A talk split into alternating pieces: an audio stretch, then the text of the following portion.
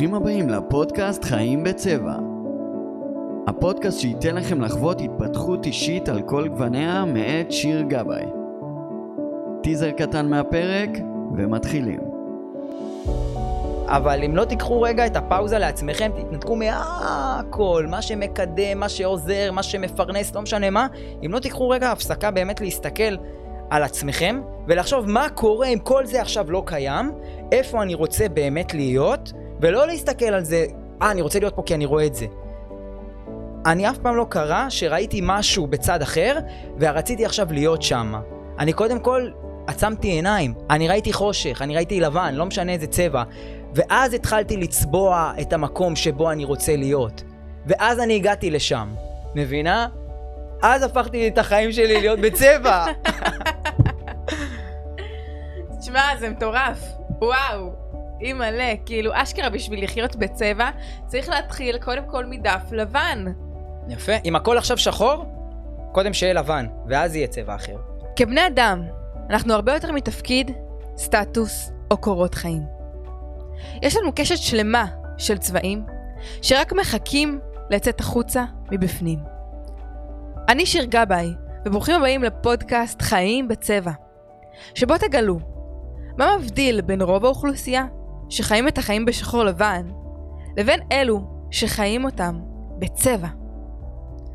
לחיות בצבע זה להרשות לעצמנו להיות מי שאנחנו רוצים להיות, מתי שאנחנו רוצים להיות, בלי לתת לשום דבר להגדיר את מי שאנחנו. ואם נתבונן לרגע על החיים כמו על קשת בענן, נגלה דבר מדהים. היופי האמיתי מגיע רק כשכל הצבעים נמצאים. חיים בצבע, מיד מתחילים. אז היוש וברוכים הבאים לעוד פרק בפודקאסט שלי, חיים בצבע. איזה כיף שאתם כאן איתנו. אני באמת נהנית מזה שכל שבוע אתם פה יושבים ומאזינים לפודקאסט, בין אם זה אתם בהליכה או בישיבה או לא משנה איפה אתם נמצאים, אני רוצה להכיר אתכם על הזמן שאתם מקדישים לעצמכם, כי זה באמת לא מובן מאליו. כי המשאב הכי יקר שלנו היום הוא זמן. אז באמת אני רוצה שתוקיעו את עצמכם על הזמן הזה שאתם מקדישים פה לעצמכם. אנחנו הולכים פה לצלול היום לפרק מיוחד בטירוף עם איש, אדם יקר. אה, לליבי מאוד, שקוראים לו איתי מרשל. אני מניחה שרובכם או חלק מכם מכירים את השם הזה, וכנראה לא סתם. אה, ואם אתם לא מכירים את השם, כנראה שהוא קפץ לכם בטיק טוק כמה פעמים. כי יש לו כבר מעל 200 אלף עוקבים, ו... מה שנקרא לא בחסד, אלא בזכות. ממש, הוא עבד על זה יום-יום. אז חברים, רוצה שתציג את עצמך ככה למאזינים. היי, איתי. היי, שיר, איזה כיף להיות פה. נורא נעים פה. אחלה חדר, אחלה, אחלה אווירה. יס, yes, איזה כיף. יש פה הרבה הרגשה של אותנטיות. לגמרי. וזה נורא משפיע על איך שבסופו של דבר אתה יושב בשידור, ואיך שאתה מדבר, והבאת אותי למקום הנכון. לשיחה הנכונה. איזה כיף. טוב, תציג את עצמך למאזינים. אז uh, כמו שהצגתי, קוראים איתי מרשל.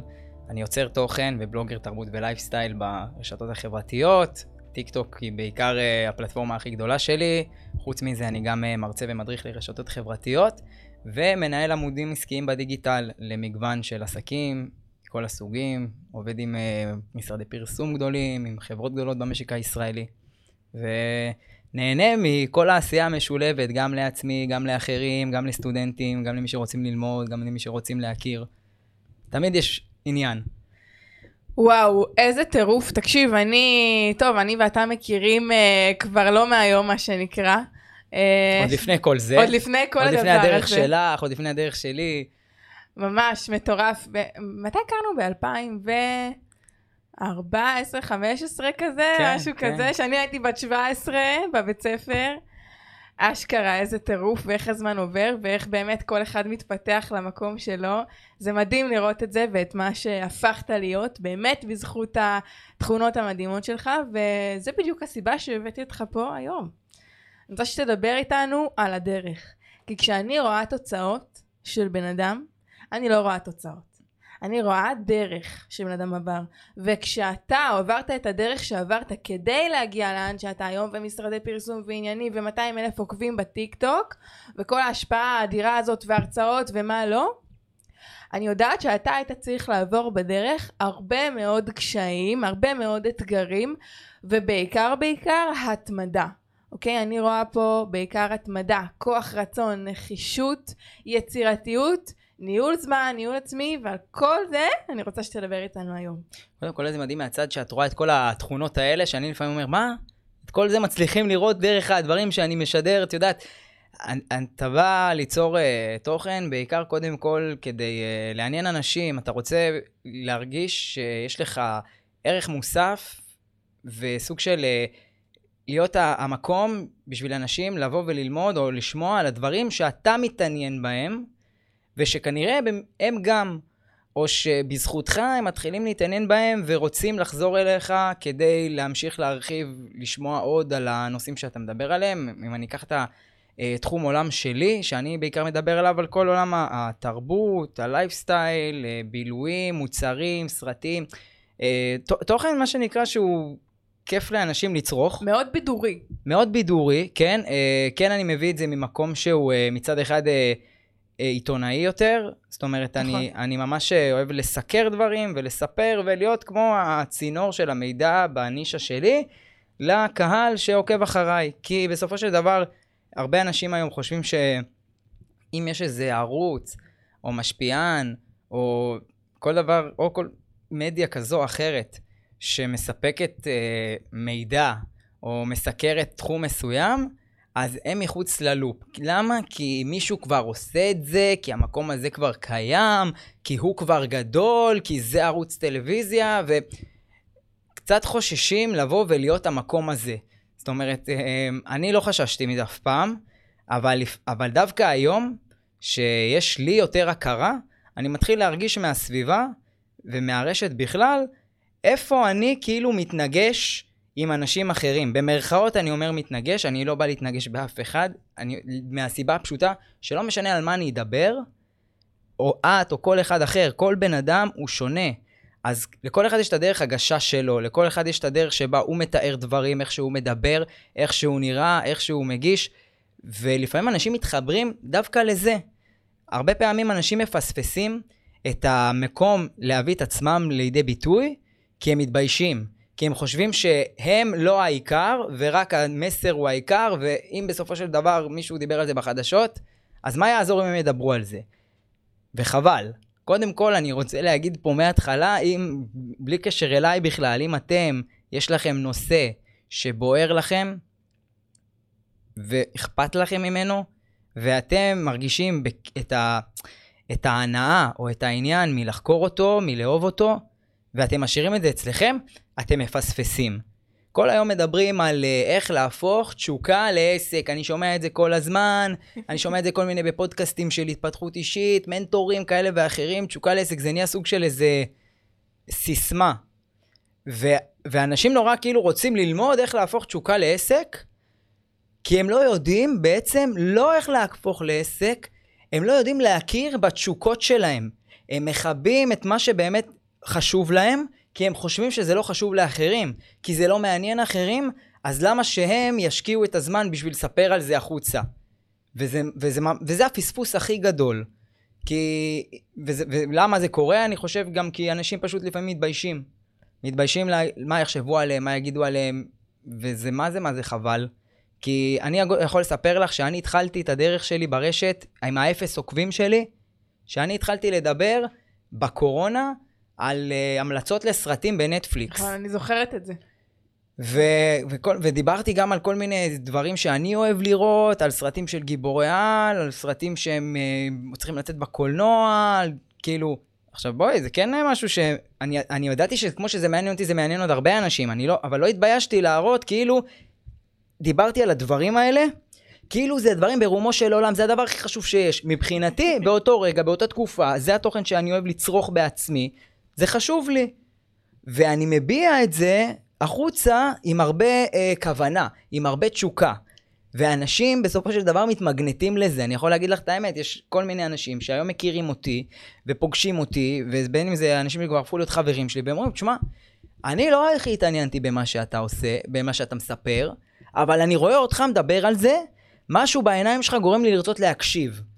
תחשבו, אתם, לא יודע במה אתם מתעניינים עכשיו, בלגו, באוריגמי, בלא יודע מה, לאסוף עציצים מפלסטיק ולשמור אותם בחדר, לא משנה מה, אם יש לכם תשוקה למשהו בלב, תבינו שזה דבר נדיר, אוקיי? דבר נדיר למצוא שיש לכם תשוקה למשהו באמת, והכוונה תשוקה זה לא...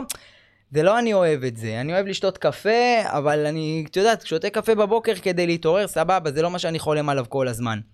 אבל יש אנשים שכן, יש אנשים שאוהבים אה, ממש להכיר סוגים שונים, ומאיפה זה מגיע בעולם, ומה ההבדלים בטעם וכל זה. תדברו על זה.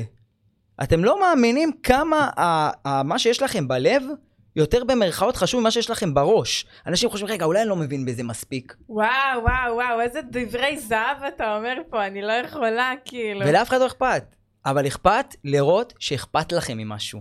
ואנשים מתחברים לזה שאכפת לכם ממשהו. וזה מה שקונה את האמון היום ברשת. זה למה אנשים בוחרים לעקוב. כי הם רואים שהבן אדם באמת עושה את הדברים מתוך כוונה אישית. ולא מתוך כוונה עכשיו לצבור עוקבים, או להיות מפורסם, או משהו כזה. מפה דברים צומחים. זה כבר אני יכול להגיד לך, כאילו, פתחת פה מה הדרך שלי וכל זה, אני יכול להגיד לך קודם כל, בלי להסתיר שום דבר, זה הסוד בכלל שגרם לי להתחיל לעשות את מה שאני עושה היום. וואו, תשמע, זה טירוף, ואני מה זה שמחה שעם זה פתחת, כי באמת, זה כל כך חשוב הדבר הזה של לבוא ובאמת לעשות משהו כי אני אוהב אותו, ולא לחשוב על התוצאה עכשיו ועל העוקבים ועל הדברים, אלא באמת לה... יש לי משהו להגיד, יש לי משהו שאני אוהב לעשות או אוהב לצרוך, לבוא ולדבר על זה מהמקום הכי אותנטי, מהמקום השיתופי של וואי, בא לי להעביר את המתנה הזאת הלאה לעולם. ולא יודע מה יצא מזה, אבל יש לי תשוקה ענקית לזה, אז, אז בא לי שעוד אנשים יטעמו מהדבר הזה, ויאללה, כאילו לחלק בשפע מה שנקרא, בלי לחשוב פעמיים. וה... המקום הזה שאתה באמת walk the talk בו ברמה הכי גבוהה שיש מבחינתי וזו הסיבה שאתה אולי באמת אחת הסיבות הכי גדולות שהגעת לאן שאתה היום אולי הסיבה היחידה או הכי באמת משמעותית זה באמת המקום הזה שאתה יודע לתת בשפע בלי לחשוב פעמיים מה יצא לי מזה כמה עוקבים זה יביא לי, אתה עושה סרטון, רואים שאתה עושה אותו כדי לתת, כדי לה, כי אתה משקיע בכל סרטון את הנשמה שלך, כי זה בוער בך, ולא כי עכשיו, רגע, אם אני אעשה את הסרטון הזה, האם זה יביא לי עוקבים אה, כאלה וכאלה, וזה יהיה רלוונטי, וזה ימכור לי ככה וככה, ממש לא רואים שזה לא שם בשום צורה, וזאת בדיוק הסיבה שזה עובד. וזה מדהים מבחינתי, ו- וגם וואו, דיברת פה על מלא נושאים, עצם העובדה שאתה עושה את זה ממקום אותנטי, שאתה יודע שיש לצבע האמיתי שלך מקום, וזה בדיוק הפודקאסט שלנו, חיים בצבע, זה בדיוק על מה שהפודקאסט מדבר. כל פעם שאני מביאה לפה אורחים, כל מה שאני רוצה שבתכלס יועבר פה לקהל, למאזינים שלנו, זה שבסופו של דבר לכל אחד יש את הצבע הייחודי שלו ואת הצורת הנגשה שלו ואת האנרגיה שלו ואת המתנות הייחודיות שלו שיש רק לו להביא לעולם שזה באמת מתנה אדירה עבורי שמישהו כמוך עם תוצאות אמיתיות בשטח בא ואומר את זה בתור הדבר הראשון שהניע אותו להגיע לאן שהוא נמצא היום. אז מבחינתי זה ספתח מדהים לפרק שלנו. וזה זו מתנה אדירה בעיניי למאזינים לשמוע את זה כרגע, אז תודה לך. בשביל זה, בשביל זה באתי. איזה כיף, וואו, וואו, וואו, וואו, אוקיי, ומה היית אומר למישהו שעכשיו, אתה יודע, באמת אה, חושש, אומר, לא יודע, אולי באמת אה, אנשים מדברים על זה מכל כיוון, ולמה דווקא שיתפסו אותי כמישהו שהוא עכשיו בעל סמכות בתוך הדבר הזה, מה היית באמת ממליץ לבן אדם כזה? אז אה, קודם כל, לנסות, לפעמים זה קשה, אנשים אומרים, תתעלמו ממה שהסביבה חושבת וכל ה... זה נורא קל לדבר בסיסמאות. כי מה שאני יכול להגיד לך, שאני התחלתי את כל זה, כשהייתה ממש את הסגר הראשון קורונה, בקורונה, נכון. ו... ובאמת היה ניתוק כזה מ... מהחברה. לא היית הולך לעבודה, לא היו יציאות, אף אחד לא מחפש אותך שתגיע, אף אחד לא מחפש אותך שתבוא. ממש הרגשתי שזה אני לבד עם עצמי כל אותה תקופה, וזה נתן לי מאוד uh, להתחבר לעצמי. כי הרגשתי, באמת אני אגיד לך, לא, לא חרטא, הרגשתי שאני עושה את הדברים האלה, ואני כאילו מדבר לעצמי. אני, אני פותח מצלמה, ואני מדבר לעצמי. אני לא, אני לא יודע מי יכול לראות את זה בכלל. נכון. לא אפילו היה לי. במרכאות, אה, קהל ש... שידעתי לדפוק לו חשבון. לא היה לך. שום פידבק חיצוני, כי היינו בסגרים כל היום, אז מבחינתך זה רק אתה מול כן, המצלמה. כן, ואת מבינה שזה זה קרה בטיק טוק, וזה לא קרה בפלטפורמה אחרת ש... שהייתי כבר נוכח בה, והיו לי עוקבים כמו פייסבוק ואינסטגרם, שיש לך משפחה, חברים, אנשים מפה, רואים לך את הסטורי, איפה אתה נמצא. באמת, בטיק טוק הרגשתי כאילו זה אני, לא יודע, נכנס לאיזה עיר זרה, שאף אחד לא מסתכל עליי, אני יכול לרקוד באמצע הרחוב וזה לא יעניין אף אחד. אה, טיק טוק, ריקודים, אבל זהו, דווקא לא רקדתי.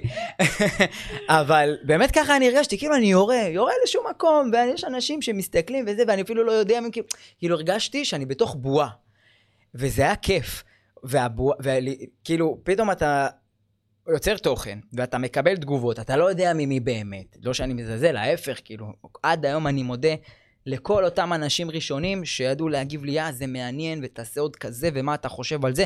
אמרתי, כאילו, התגובות האלה הראשונות, נורא נתנו לי את המוטיבציה להמשיך, כי אתה רואה, קודם כל, אתה רואה צפיות כאילו מכובדות, אתה רואה, אתה מעלה סרטון, והוא מגיע ל-15, 60, 50 אלף צפיות, אתה רואה שעולים לך עוקבים, כי הם רוצים לעקוב לא אחריך, הם רוצים להמשיך לשמוע את הרעיון הזה, הם אהבו את התוכן הזה, הם עוקבים כדי לקבל דברים דומים. אז גם אנשים מתחברים אליך ממקום שהוא לא אינטרסנטי, אני לא, לא עקבו, אף אחד לא חבר שלי עקב אחרי כי אני... כי אני אחזיר לו עוקב או משהו כזה, בואו, אנחנו מדברים על הרשתות החברתיות, זה משהו שכל הזמן רץ, הוא עוקב אחריי, אני לא עוקב אחריו, אני רואה לו את הסטורי, אני לא... לא היה אגו כזה. אז הרגשתי ממש בסוג של איזו בועה, ואני יוצר תוכן, ותוכן, ותוכן, ואני חייב להגיד לך שמיום ליום זה כאילו התחיל להיות לי יותר כיף, והייתי מכור לזה, והרגשתי שזה כל מה שיש לי לעשות, ואז קרה שאחרי חודש היו לי איזה 20 ומשהו אלף עוקבים, וקיבלתי בחוץ אנשים אומרים, אתה מהטיקטוק. וזה היכה בי. אמרתי כאילו, וואי, יש עוקבים, לא, וואו, ואנשים ברחוב, הם חלק מהאנשים שנחשפו אליי. ואז אתה מבין שיש, לזה, שיש אנשים מחוץ לזה, אבל זה בא לי באיזה סתירה כזאת, כאילו, אני יוצר תוכן, כאילו, אני מרגיש שזה לעצמי. עכשיו, מה שאני בא להגיד, מטורף. שזה, שזה קרה אצלי. יכול להיות, ואפילו זאת אחת הסיבות שבאמת, זה, אני לא יודע אם עכשיו הייתי בשגרה רגילה, אוקיי? נכון. בשגרת חיים של אה, עבודה, אני, אפילו באותה תקופה אני סיימתי תואר ואני חיפשתי עבודה, נכון. ואז לא יכולתי למצוא עבודה, אז אני פשוט התחלתי לעשות את הדברים האלה בכיף שלי, ואז יצאתי עם עבודה, עזבי, כאילו אנחנו נדבר על זה אחרי זה, אבל כאילו באמת איך הפכתי נכון, את זה לעסק. יצאת מהקורונה עם עבודה חדשה לגמרי. כן, אבל בלי, בלי לחשוב שבכלל שהעבודה הזאת אה, היא לג'יט, את מבינה? אני כאילו חשבתי ש... אני עושה את הדברים האלה בשביל הכיף ונראה מה יהיה, אוקיי? עכשיו, מה שאני בא להגיד, לאנשים ש... שוב, לש... לשאלה שלך באופן קונקרטי, לאנשים שאומרים, מה, כל הזמן העיניים של אנשים עליי, ומה קורה? פייר? הלבד יכול להביא המון המון טוב, ויש אנשים שמפחדים להיות לבד. שמפחדים שאם עכשיו הם יגידו לא לצאת, או הם, לא יודע מה, יסגרו את עצמם באיזה חדר שבוע, הם יהיו משוגעים. אבל בואו, אנחנו כולנו היינו בתוך המצב הזה, ואני יכול לספר לך, כאילו, זה לא... אני לא רופא, ואני לא נותן מרשם לשום דבר, ואני לא יכול להבטיח הצלחה של אף אחד, אבל אני כן יכול להגיד שאני שמעתי דברים כאלה, ואני חוויתי על עצמי את, ה, את ההתחברות האישית לעצמי, ולהבין לבד מה טוב לי ומה אני אוהב, בלי שאנשים יחפשו מה הם רוצים ממני. מבינה? היום זה קצת יותר קשה, כי היום אני כן מעורבב עם המון אנשים, כאילו, מה שהיה לי פעם, היום הוא פשוט, הוא אחר, עם אנשים אחרים ועסקים אחרים ועיסוקים אחרים, אבל אם אתם באמת אוהבים את עצמכם, ואתם רוצים למצוא את השאיפה שלכם, את התשוקה שלכם, ולהבין מי אתם באמת, אתם צריכים להקריב משהו. שום דבר לא בא אם אתם תמשיכו את אותו דבר, מבינה? אתם עכשיו מרגישים איזה חשש מסוים, אה, אתם מרגישים עכשיו שהחברה מסתכלת על עצמכם באיזשהו אופן שהוא קצת אה, ביקורתי, קצת לוחת, קצת דורש, אז תתנתקו מהחברה. תראו איך אתם יכולים להגיד לכולם סטופ, ולעשות משהו בעצמכם. גם אם זה עכשיו, לא יודע, להגיד לבן אדם, תיסע לאיזה ארבעה ימים לבד לבית מלון, לים המלח, לאילת, לבודפסט, לקפריסין, לא משנה מה, אני מבטיח שלא משנה מה תפסידו או, מה, או כמה תשקיעו, בחיי שזה יחזור אליכם. בחיי. אז אתם רוצים טיפול פרקטי בלהירגע ממה שחושבים עליכם? תירגעו מכל החברה ותתבודדו, בקטע טוב. אי מלא, יואו, אני, אתה כל פעם מדבר ויש לי כל כך הרבה דברים שרצים בראש, אני אפילו לא יודעת איך להתחיל להגיב לך על כל מה שאמרת, כאילו מבחינתי פתחת פה באמת נושאים לפודקאסט שלם, כאילו, שתבין, כל משפט שלך אני אומרת, יואו, כאילו, זה עולם, זה עולם, זה עולם, כאילו, כל העולם הזה של, א', באמת, אה, להתנתק מהתוצאה ולהיות נטו בפוקוס על הפעולה, אוקיי? כל מה שעשית, מה, מה קרה בעצם בסגרים? מה אפשר לך כל הדבר הזה של הסגר וההתבודדות הזאת? להיות באמת ממוקד נטו בפעולה. אמרת, אני עכשיו יוצר תוכן, אני עושה את זה מהתשוקה שלי, אני לא מסתכל ימינה ושמאלה, גם ככה כולם בסגרים, גם ככה לא פונים אליי, איזה כיף. יש לי את השקט שלי לעשות את מה שאני רוצה, לעשות את זה בצורה הכי טובה, לא לחשוב מה יצא לי מזה. ופשוט לראות ולא לחשוב על התוצאה, וזה אחד הדברים באמת הכי מהותיים בעיניי, שהובילו אותך לאן שאתה היום. שאתה יורה, יורה, יורה פעולות בלי לחשוב על התוצאות. וזה בקטע הכי טוב שיש, זה מדהים, זה מטורף בעיניי. זה אחד. שתיים, זה באמת המקום הזה של לא לחשוב מה חושבים עליי. ושוב פעם, היה לך את המומנטום הזה של הסגרים, שזה מטורף לראות איך ניצלת את זה לטובתך. שבאמת פשוט התנתקת מכל העולם ובדיוק גם סיימת את התואר ובדיוק זה נפל לך בול בזמן המדויק, כאילו לגמרי. ופשוט התחלת לעשות ולא לחשוב ו- והתנתקת מהכל, זה פסיכי בעיניי. ואני חושבת שבאמת גם היום עם כל ההסחות דעת ועם כל הדברים שיש לנו ואנחנו באמת באוטוסטרדה מטורפת עם סגרים בלי סגרים אנחנו כל הזמן באוטוסטרדה בטח ב-2022, בטח בישראל, הכל פה כל כך מהיר, אנחנו נמצאים בעולם של עשייה כאילו בקצב שהוא לא נורמלי. אנחנו חייבים ללמוד לקחת שליטה על הזמן שלנו, על הפוקוס שלנו ועל תשומת הלב שלנו. ו... בין אם יש סגר שעוזר לנו לעשות את זה באופן יזום, ובין אם לא, אנחנו חייבים ללמוד לייצר את הדבר הזה עבור עצמנו. אז באמת, כמו שאמרת, אם זה לטוס לחו"ל, או אפילו לא חייב לטוס לחו"ל, לקחת איזה פסק זמן, אני יודעת, באיזה צימר בצפון, או אפילו להגיד לכל החברים שומעים, אני שם את עצמי על מצב טיסה רגע, אל דברו איתי, אני לא זמין בכמה ימים הקרובים. למה אני לוקח אחריות על החיים שלי, אני הולך להיות בפוקוס מטורף על איזשהו פרויקט שאני רוצה להריץ, או על יצירת תוכן, או על לא משנה מה, אני רוצה ליצור לעצמי מומנטום, ועכשיו אף אחד לא מפריע לי, וליצור לעצמי את הפוקוס לייזר הזה, שבאמת אני נטו ממוקד בפעולה, ולא מסתכל לסביב, מסביב, ווואו. מטורף, מטורף, מטורף בעיניי. לפעמים אנשים כל הזמן מנסים לשנות משהו בחיים, כל אחד מחפש שהחיים שלו ישתנו. אז אנשים הולכים, עושים כל מיני דברים, נקרא לזה אקטיביים, כדי שאם הם יעשו אז משהו ישתנה, לא, שאני חושב ששינוי מצב, הוא לא קורה ישר מלשים את הרגל במקום אחר. הוא לפעמים קורה מלפני שאני שם רגל במקום אחר לעצור. ואנשים לא עוצרים. ואז אין להם בכלל את הזמן רגע לנשום ולעכל הם, לאן הם באמת צריכים ללכת. הם ישר קופצים למקום מתוך איזושהי אימפולסיביות כזאת, לא יודע מה, הולכים פה לאיזה הרצאה, הולכים פה לאיזה קורס, הולכים פה לסדנה, חושבים שאם הם יעשו את זה ואת זה ואת זה ואת זה, אז מחר הם יקומו אחרת לגמרי. וזה לא עובד. אתם צריכים רגע לא ללכת, כאילו במרכאות לא ללכת לשום מקום. תבקרו את עצמכם. לכו פנימה, לא החוצה. לכו פנימה, לא לחפש כל הזמן את התשובות ואת ההצלחות במקום אחר וכל זה. גם עכשיו, אנשים הולכים לשמוע את הפודקאסט הזה, תשמעו אותו, אני אתן לכם פה טיפים, את נהנית ממה שאת שומעת, את מסכימה, הכל מהמם. אבל אם לא תיקחו רגע את הפאוזה לעצמכם, תתנתקו מהכל, מה שמקדם, מה שעוזר, מה שמפרנס, לא משנה מה, אם לא תיקחו רגע הפסקה באמת להסתכל על עצמכם, ולחשוב מה קורה אם כל זה עכשיו לא קיים, איפה אני רוצה באמת להיות, ולא להסתכל על זה, אה, אני רוצה להיות פה כי אני רואה את זה. אני אף פעם לא קרה שראיתי משהו בצד אחר, ורציתי עכשיו להיות שם. אני קודם כל עצמתי עיניים, אני ראיתי חושך, אני ראיתי לבן, לא משנה איזה צבע. ואז התחלתי לצבוע את המקום שבו אני רוצה להיות. ואז אני הגעתי לשם. מבינה? אז הפכתי את החיים שלי להיות בצבע. תשמע, זה מטורף. וואו. אימא'לה, כאילו, אשכרה בשביל לחיות בצבע, צריך להתחיל קודם כל מדף לבן. יפה. אם הכל עכשיו שחור, קודם שיהיה לבן, ואז יהיה צבע אחר.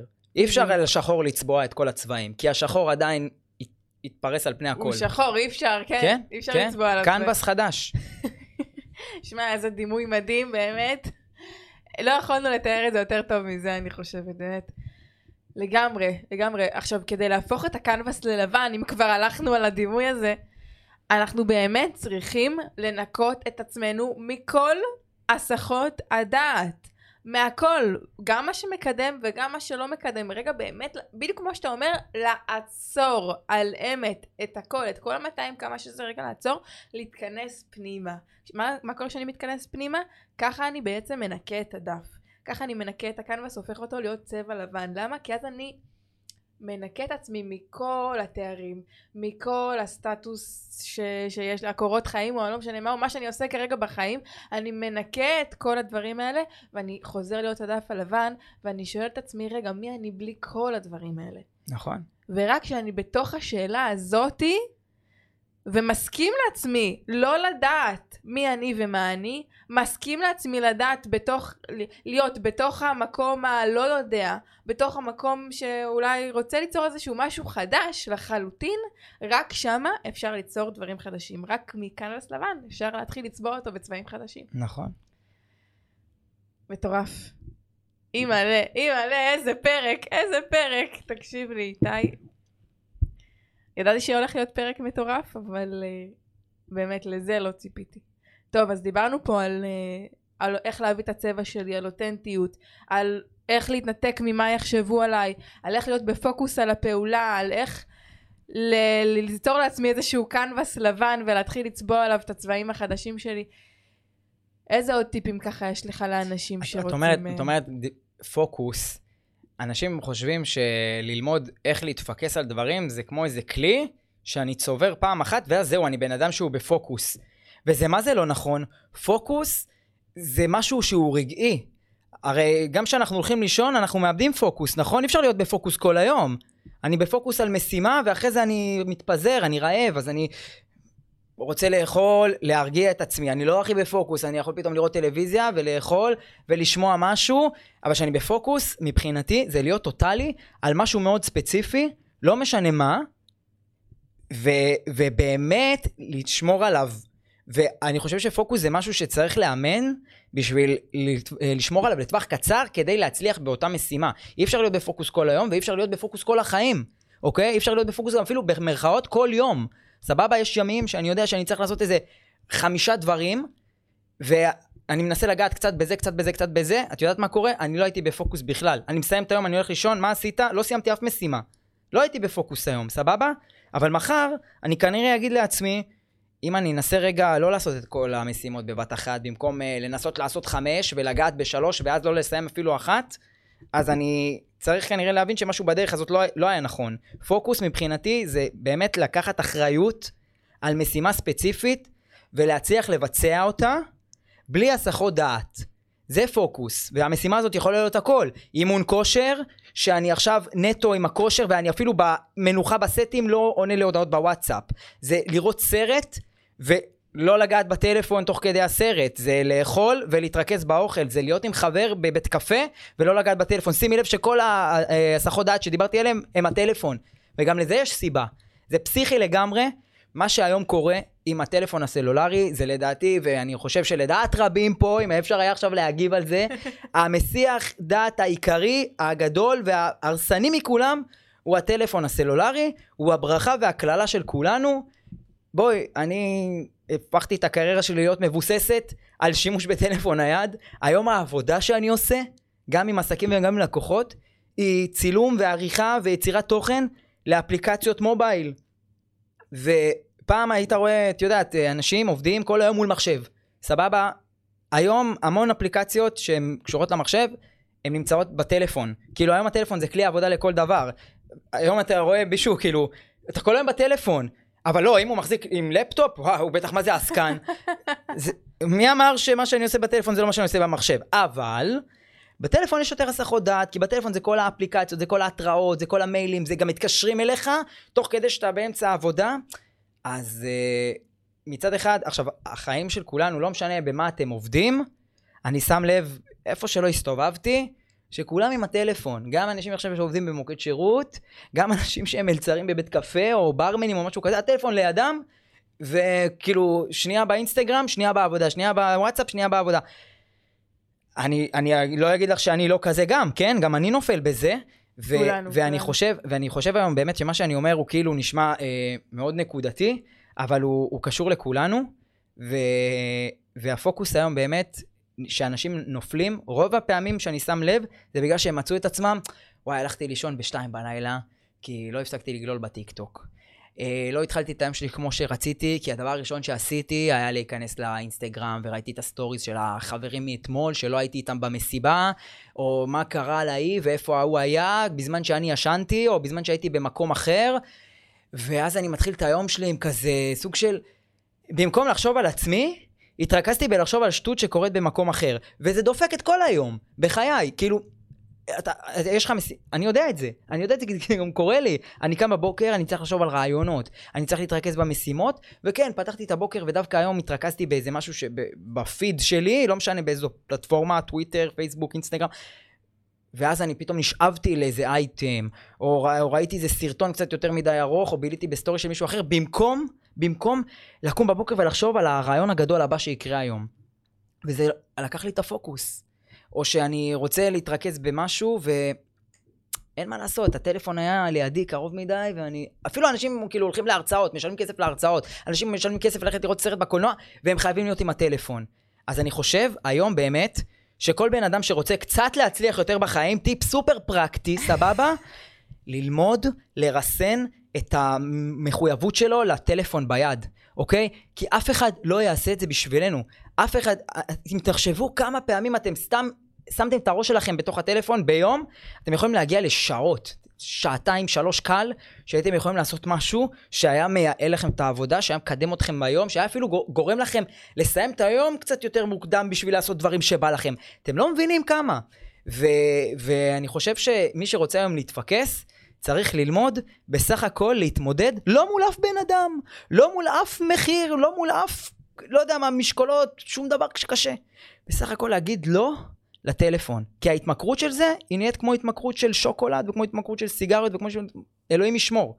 אז בטח ובטח, אם העבודה שלכם היא לא בהכרח דרך הנייד כיוצרי תוכן, תנסו קצת שעה בבוקר בלי הטלפון, שעה לפני שאתם הולכים לישון בלי הטלפון.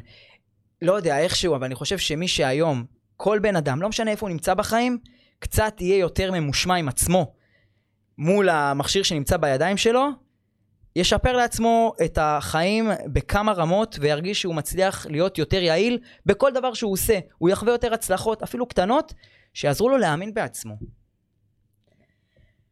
אימא'לה, תקשיב, אתה, אתה חייב לעצור אה, כשאתה מדבר לפעמים, יש לי כל כך הרבה מקומות שאני רוצה להגיד לך, יואו, תקשיב, אימא'לה, איך נגעת בו בנקודה, איתי, שאני חושבת שהיא באמת אולי הכי חשובה ש, שצריך לדבר עליה, באמת ב-2022, בעידן הזה, באמת, אנחנו כל כך מכורים ואנחנו לא יודעים אפילו כמה אנחנו אנחנו לא מודעים לזה בכלל, ולגמרי, זה קודם כל להציף למודעות את כל המקום הזה שאני צריך לשים לב בכלל לכמה אני נמצא בטלפון. אנחנו באמת, אנחנו לא יודעים כמה אנחנו נמצאים. אז מבחינתי הצעד הראשון למי שמאזין פה, זה רגע, אפילו אל תנסו לשנות כלום. כל מה שאני מבקשת מכם, מכם בשבוע הקרוב, בשבועיים הקרובים, זה רגע רק לשים לב, להיות בתשומת לב במודעות, לכמה פעמים אתם פותחים את הטלפון במהלך היום, וכשפתחתם, כמה זמן אתם נשארים בתוך הטלפון, וכמה זמן אתם גוללים בפיד או בסטורי או לא משנה מה, וכמה זמן אתם שורפים כשלא התכוונתם בכלל להיות בטלפון, כמה פעמים אתם רק לוקחים את הטלפון, רק המקום הזה שכשאני לוקח את הטלפון ואני אומרת מי וואו וואו וואו סטופ, לקחתי את הטלפון ולא התכוונתי לעשות את זה עכשיו, כשאני שם לב לזה, זה מבחינתי הניצחון הראשון שלכם ואולי הכי גדול, אוקיי? בתוך המקום הזה. המקום של לבוא ולשים לב להתמכרות שלי, כי באמת אני חושבת שכולנו מכורים היום. ברמה כזו או אחרת, כמובן יש סקאלה ו- וברמות מודעות שונות, אבל אני חושבת שכולנו, באמת, בלי יוצא מן הכלל. אז אה, באמת, זה מקום של לבוא ורגע לשים לב ומודעות לדבר הזה. וזה באמת כלי סופר פרקטי בעיניי, ווואו, אתה פשוט נוגע פה בנקודות שהן כל כך חשובות, וכל העניין הזה של פוקוס בכלל, זה דבר שאנחנו צריכים לאמן אותו בכל רגע ורגע בחיים. זאת אומרת שמולטיטאסקינג זה לא דבר שהוא באמת נכון לנו, זה דבר שהוא גורע מהפוקוס שלנו, וכשאנחנו רוצים לאמן את עצמנו על פוקוס, אנחנו באמת רוצים להיות בתוך המקום הזה של אני בתוך משימה, אני לוקח אחריות על המשימה הזאת, ואני מתנתק מכל הסחות הדעת, בין אם זה מישהו שקורא לי עכשיו, או מישהו שמתקשר, או מישהו שולח לי וואטסאפ. שים לב, גם כמה פעמים מה שאמרתי פה היה דברים שהם מתוך הטלפון, או התראה שקופצת לי. אז אני רוצה באמת לבוא ולקחת אחריות על המשימות שלי, לרשום לעצמי את המשימות היומיות ולהיות בפוקוס מיטבי על כל משימה, וזה משהו שבאמת צריך להילחם עליו כל שנייה ושנייה, כי בסוף זה מה שיוצר את החיים שלנו. זה, זה בדיוק זה, זה. זה מונע את השינוי, זה כאילו, זה דבר כל כך שהוא באחריותנו בלבד, והוא במרכאות קל לביצוע מבחינה פיזית, אבל הוא בראש כל זה כך משמעת, לא. זה כמו שאומרים לאנשים, אתם רוצים לעבור איזה תהליך של חיטוב, ירידה במשקל, אז לא לגעת היום בשוקולד. אתם יכולים לא לעשות את זה, זה לא שכאילו לוחצים עליכם ואתם חייבים לאכול את זה, זה, זה אתם מול התאווה שלכם לדבר הזה. עכשיו אני אומר, כאילו כל אחד יכול להגיד, אני יכול להפסיק מתי שאני רוצה. ואז אני אומר, רגע, היום אנחנו צעירים, תחילת החיים שלנו, מפתחים את עצמנו, את העסקים שלנו. מה יקרה שבעזרת השם אני אהיה נשוי, אני, יהיו לי ילדים? אה, מה, אני גם אמצא את עצמי כל היום בורח לטלפון, אני גם ארגיש שאת... כאילו, איפה זה יפגע, אם זה פוגע בי היום, במשימות האישיות שלי, שהאחריות היא רק על הכתפיים שלי, מה יקרה שתהיה לי אחריות על משפחה?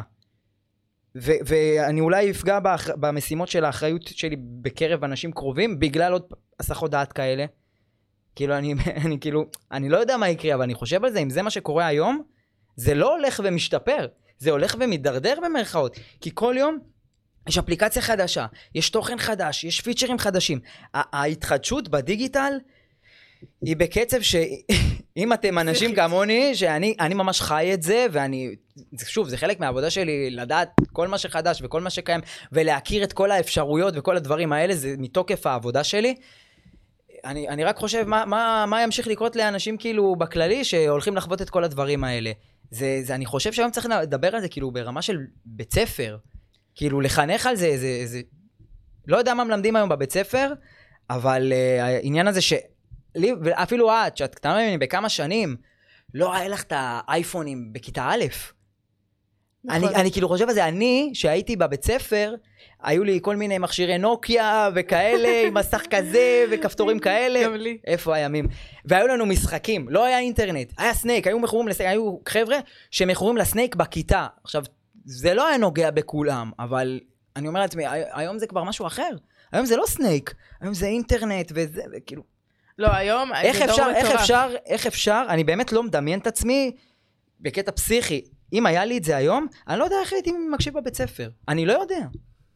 אני חושב שאם היה לי טלפון ביד, וכמו שאני מכיר את עצמי בתור תלמיד, שאני הייתי מאלה שכן משחקים בטלפון בשיעור, מתחת לשולחן, בתוך הקלמר, איך שאתם לא רוצים. אבל מתישהו זה היה יכול להימאס. היום הרשת כל כך ממכרת, אין גבול אין למה גבול. שאתה יכול לעשות עם המכשיר שלך.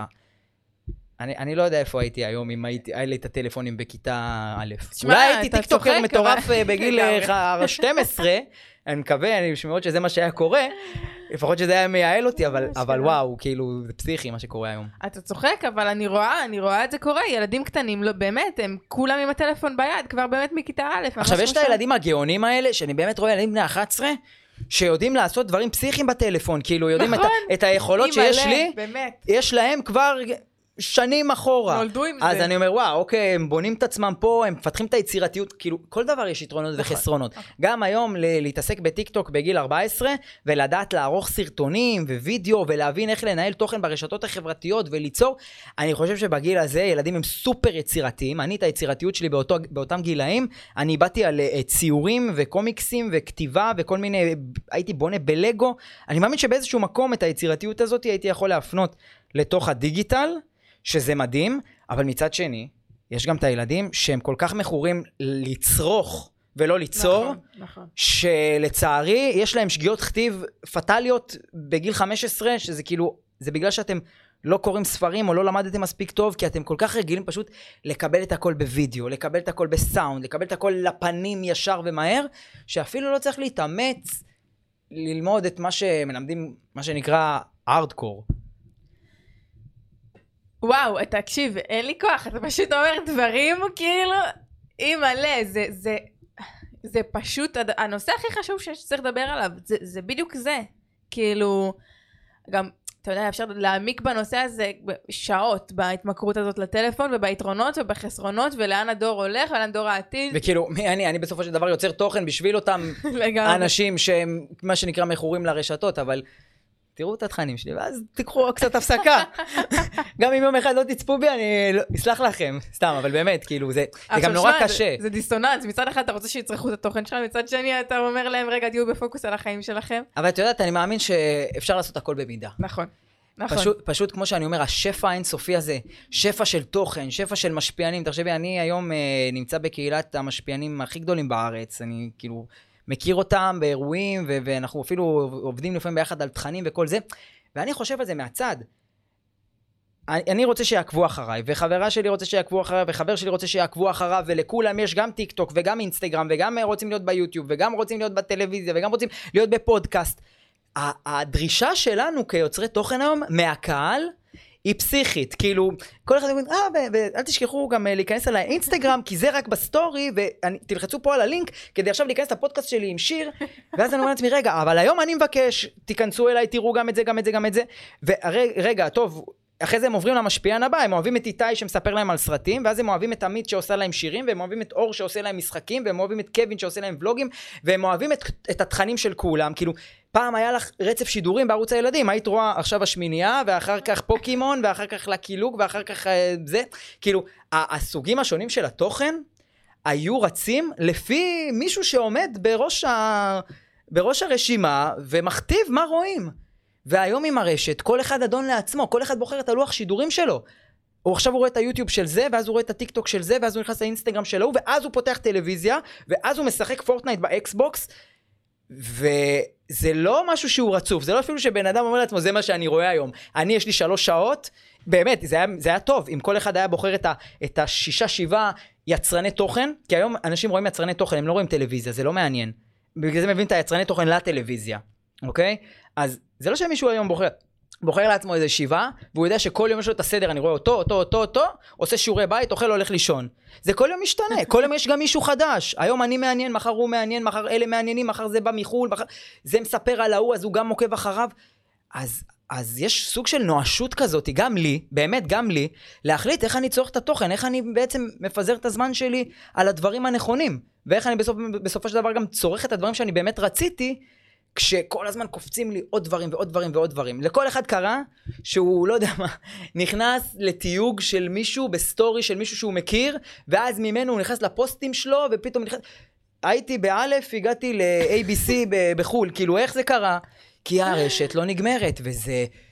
וזה מה שאני מדבר על המשמעת העצמית הזאת, לדעת מתי אנחנו מגזימים, לדעת מתי stop, באמת, לא, כאילו, כל הזמן יש את הפחד להפסיד, מבינה? וואי, זה רק 24 שעות, אם אני לא FOMO, אראה אותו... FOMO. FOMO, ה FOMO הוא פסיכי, ואני חושב שככל שאנחנו יותר צעירים, זה כאילו יותר מלחיץ אותנו. בואו רק נפרש למאזינים, מי שלא מכיר, פומו זה fear of missing out. הפחד לפספס דברים. כן. אל תפספסו, כנסו עכשיו, תשימו תזכורת, תשימו לי פעמון. כל פעם שאני מעלה פוסט, אתם תיכנסו ותעשו לי... הדרישה היום היא, היא מאוד מאוד קשה, ואני יודע, גם על הבשר שלי, גם על העוקבים שלי, שיש עדיין שמחפשים את זה. הם באמת מחפשים להיות מעודכנים.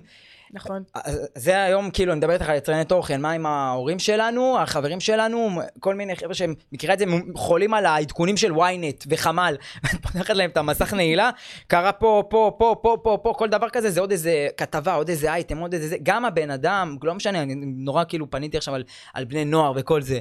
זה לא נכון, זה קורה אצל כולם. כולם היום רוצים רק להתעדכן בדברים הכי חמים, רוצים לדעת את הדברים לפני, פעם מה, היה קורה משהו בת, ב, במדינה, האנשים היו פותחים חדשות בשעה 6, 7, 8 בערב מהדורה מרכזית, אחרי שהם סיימו את היום עבודה שלהם, ואז הם רואים מה היה היום.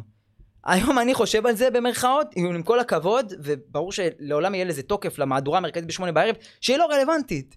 כי כולם יודעים את החדשות שמדברים עליהן בשמונה, כבר בשעה שתיים שזה בדיוק קורה. את יודעת, בטיק טוק, שהיה את מבצע שומר חומות, אנשים צילמו אה, מפגעים שקרו אצלם בב, בבתים, צילמו את החששות שלהם, את ההרגשות שלהם, כל מיני דברים שיודעים שידברו עליהם בחדשות. האנשים עצמם דיברו עליהם באופן אישי מהערוצים שלהם ברשתות. ואז בשמונה בערב מביאים את זה בטלוויזיה. אז מה קורה, אנשים, זה קרה, שתדעי, אנשים אומרים, אה, יש ילדים בטיקטוק, כל זה, אני כבר לא יכול לשמוע את זה אגב, אבל שהם, בגלל שבחדשות הביאו מלא קטעים שאנשים העלו בטיקטוק שלהם, כי בטיקטוק החשיפה מטורפת, משהו קורה וזה מעניין, זה מתפוצץ ברגעים. אז אנשים מבוגרים, כשלא היה להם טיקטוק, פתאום אמרו, אה, וואי, בטיקטוק מביאים עדכונים אקטואליים, אז אני גם אוריד את זה, ואז התחיל להגיע עוד קהל. וזה פתאום כאילו הופך להיות משהו שגם אנשים, כאילו, כל הזמן אנשים רק רוצים לקבל את המידע לפני כולם, לפני כולם, לפני כולם, נהיים אובססיביים לצריכת מידע דרך ה... fucking טלפונים, סליחה על המילה, ואז הם כן גם יראו את זה בערוץ 8, בערוץ, בשעה 8 בערוץ 12, 13, 14, בכל הערוצים. שוב, זה עכשיו מחזק את מה שאני אומר, לא משנה אם אתם חושבים שיש ערוץ שמדבר על מה שאתם מדברים, אל תתביישו לדבר על זה. זה כמו שערוץ 13 יגיד, אני לא אספר ש... או שביבי עשה ככה, וערוץ 12 יגיד, אה, דיברו על זה בערוץ 13, אנחנו לא נדבר על זה, ברור שכן. או ישראל בידור מדברים על משהו, ומעריב ווואלה סלבס מדברים על... כולם ידברו היום בבוקר על זה שליאונרדו דה קפריו היה בחתונה ההיא. ו- ואנשים עוקבים אחרי כל העמודים האלה, ואנשים, הפוסטים, אני אומר לך, הפ- אותם פוסטים מאותם תכנים עולים אחד אחרי השני בפיד, ועל כולם עושים לייק, ועל כולם הם גם נכנסים לראות את התגובות, מה קורה, כי היום אנחנו מייצרים תוכן, זה לא חד צדדי. התקשורת, תקשורת ההמונים המסורתית, היא מאוד חד צדדית.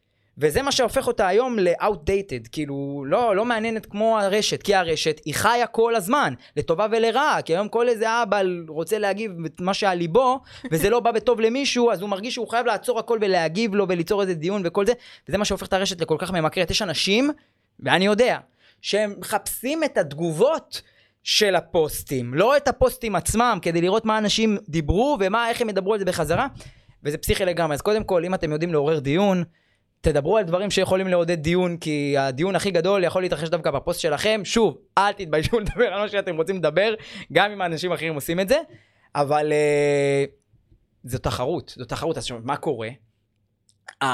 היום אני, בתור יוצר תוכן, שמה שנקרא, עושה את זה וחי את זה, ואני ערוץ מאוד גדול משל עצמי, גם לי יש את הדחף הזה, לעשות את הדברים לפני האחרים, לדבר, להיות הראשון שמדבר על זה, אה, לראות מה קורה בערוץ של מישהו אחר. כן, יש לי את זה, אין מה לעשות.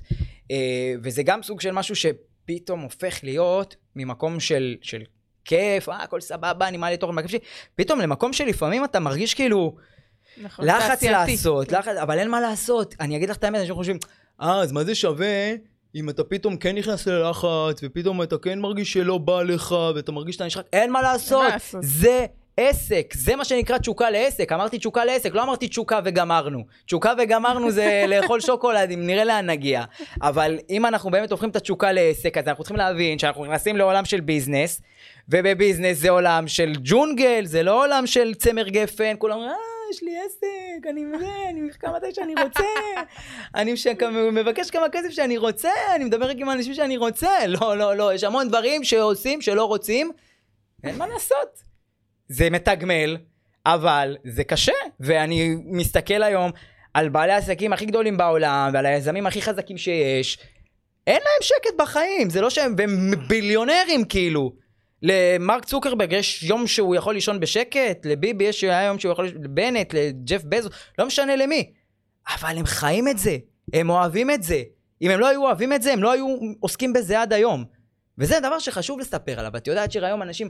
וואו, לגמרי. על, על עולם העסקים, בטח בגיל צעיר, שהיום כאילו, זה נורא, זה נורא נצרך. היום ילדים בני 14 רואים אנשים שדוחפים להיות עסקים ועצמאים, משהו שאני ואת לא חווינו.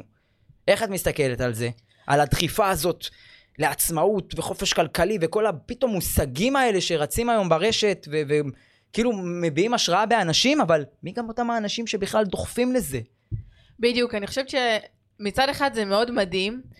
כל המקום הזה של המודעות, שאנשים פתאום מודעים לכמה זה קל באמת ל- ל- להשפיע על אנשים, ורגע, עכשיו יש את הכלי הזה של הפלאפונים, שכמו שאתה אומר, כל אחד יכול ולבוא לבוא ולהיות משפיען, וזה רק עניין של יש לך את הבמה. רק, כן, אנחנו חיים בתקופה כאילו, מטורפת שלא הייתה קיימת, ועם הטיקטוק ועם הצרכנות וידאו הזאת, אבל...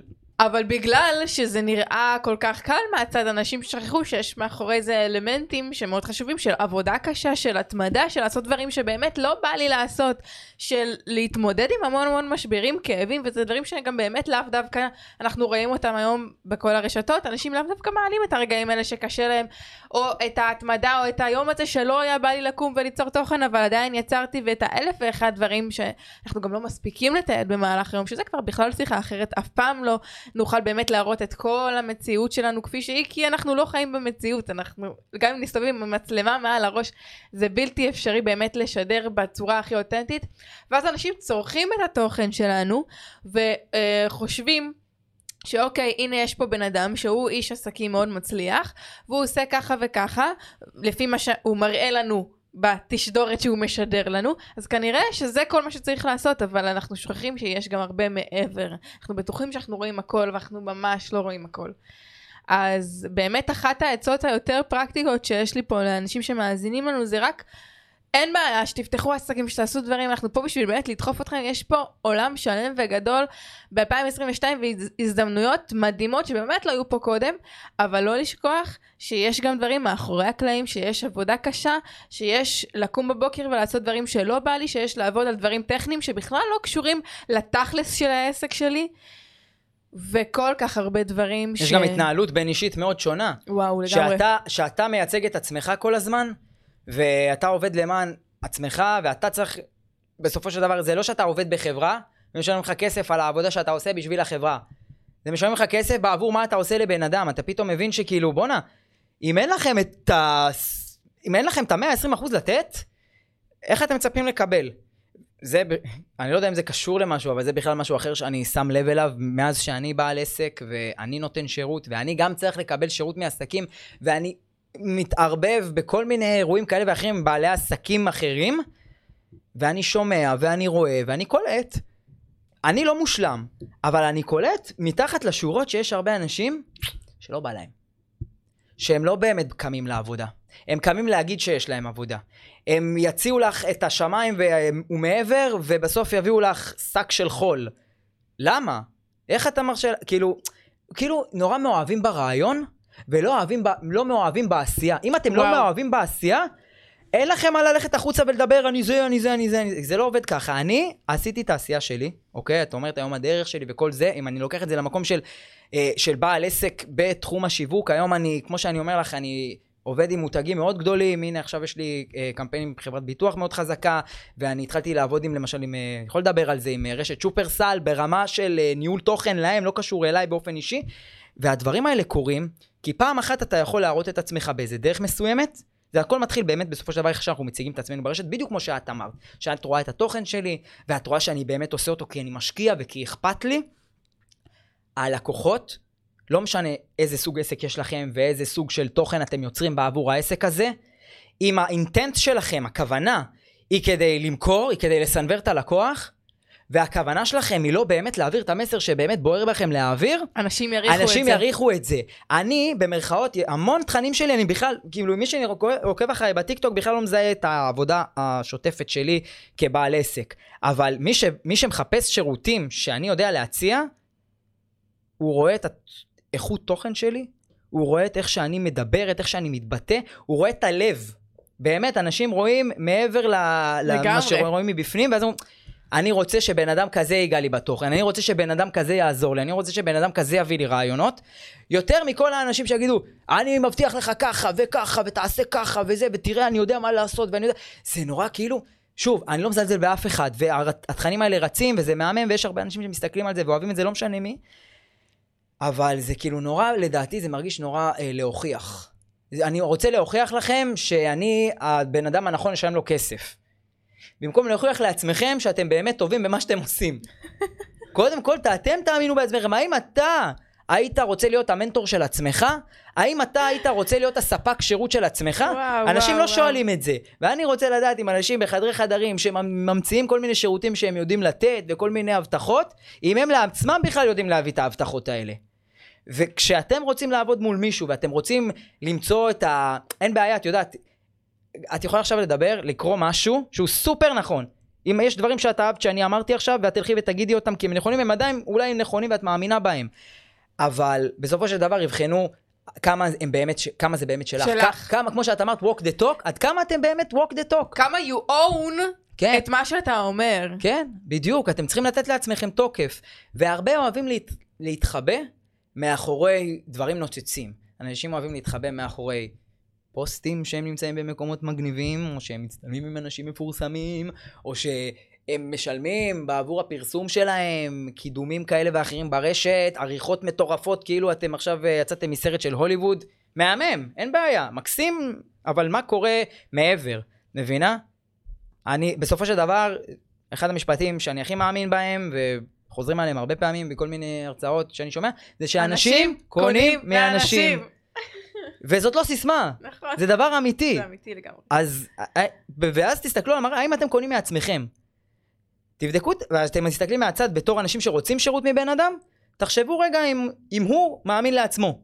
האם אתם הייתם קונים מעצמכם? לגמרי, זה בדיוק זה. האם כשאתם מסתכלים על עצמכם, על השירות שלכם, בוחנים את עצמכם ממש אמיתי? האם באמת אתם הייתם רוצים לקנות את השירות שלכם? האם אתם חותמים על מה שאתם נותנים, על איך שאתם נותנים את זה, על איך שאתם מעבירים את זה? האם באמת יש לכם תשוקה ענקית למה שאתם עושים, ומתוך זה אתם פועלים, או שאתם והאם רוצים רק חווית, למכור? האם אתם מיישמים את הדברים שאתם כביכול מוציאים החוצה? אני אגיד לך את האמת, אני זוכר ש... אה, כשאני לפני כמה שנים, לפני שנכנסתי בעצמי להיות אה, אושיית רשת, אני הייתי עוקב אחרי הרבה אושיות, בעיקר בעולם היוטיוב. והייתי עוקב אחרי אושיות שמדברים על דברים שמעניינים אותי, על טכנולוגיה, על סרטים, על אופנה, כל מיני דברים כאלה ואחרים. ואני מאוד הייתי אוהב לראות את היוצרי תוכן שאני אוהב גודלים. ואיך הייתי רואה שהם גודלים? לא רק במספרים, פתאום אני רואה יש לו 300 אלף עוקבים, מחר יש לו 500 אלף עוקבים, הייתי גם רואה שפתאום התוכן שלהם משתפר, מספרים, הנה הבאתי ציוד חדש, אה, עשיתי שיתוף פעולה כזה או אחר, התקדמתי, ו- ו- ואתה חווה איזה דרך עם בן אדם, דרך שהיא אותנטית, כי אתה, אתה צורך את התוכן בגלל התוכן שלו, לא, לא, לא כזה אכפת לך ממנו. ואז אני זוכר שהיו אה, מקרים, שאני פתאום נחשפתי לזה, שאנשים קצת היו יוצאים ממסגרת התוכן הרגילה שלהם, ופתאום, היום אני רוצה לדבר איתכם על כמה טיפים שאני עשיתי במהלך הדרך שעזרו לי להצליח ולהגיע לאן שאני היום. ואת יודעת, הייתי מסתכל על התוכן הזה, לא ממקום שהבן אדם מוכר לי משהו, הוא רוצה לתת לי איזה תוכן מקדם, כי הוא יודע שכנראה הוא באמת עבר את השלבים האלה כדי להגיע לאן שהוא היום. הוא לא התחיל עם התוכן שלי, אה, אני מוצלח. אתה לא מכיר אותי, אבל אני מוצלח. אתה מכיר אותי כי אני מדבר על X, ואני מתקדם באותו תחום, ואני, ואתה בתור צופה שלי, אם אתה עוקב שלי, אז אתה רואה את ההתקדמות שלי בדרך. מה שקורה שאני חווה, הצל... אה, חווה מהעיניים שלי דרך מוצלחת של בן אדם, אחרי שאני רואה, מבחינתי ראיתי בעיניים שלי שהוא פה, ואז הוא פה, והוא מספר לי איך הוא הגיע לפה, אני באמת מאמין לו. כי אני זוכר שהוא היה שם. ואז כשהוא כבר פה, אחרי שהוא עבר דרך מסוימת, והוא גם הראה לי את הדרך הזאת, הוא לא רק היה פה למעלה וזהו, אז אני אאמין לו. למה? כי יכול להיות שמה שהוא יגיד, זה גם מישהו אחר מוצלח יגיד, אבל עליו אני באמת יודע שהוא עבר את הדרך. והיום יש הרבה אנשים שהם באים out of nowhere, וואו. קופצים לי בקידום ממומן, ומדברים איתי על שבעה דרכים להצלחה בחיים והכנסה יותר טובה וכל זה. אחי, מה, מי שאל? למה אתה קופץ לי ואתה מספר לי על הצלחה? כאילו, אני... ו- וזה כאילו, ככה הם מפרסמים את עצמם. אני כבר מוצלח, אני יודע הכל על הצלחה. איזה הצלחות אתה חווית? אתה אומר, תעשה זה, תעשה זה. קום לך במוגר, תעשה זה, תבקש יותר כסף מאנשים, תפתח עסק, תעשה... כפרה, מי אתה? אני נכנס אליו, הכל זה שופוני. אז מ- איך אני יכול להאמין שאתה כזה מוצלח? איך, איך אני אאמין, איך אני אקשיב לך, ואני אשים, בסופו של דבר הם אומרים את זה לא כי הם אכפת להם שתצליח, הם רוצים למשוך אותך לאיזה תהליך מכירתי, אף אחד לא יממן. משהו, ישים כסף בשביל לא לקבל את הכסף בחזרה, כן? אבל תראה איך אתה רוצה להשיג את הכסף שלך, כאילו, אני חושב שזה חבל.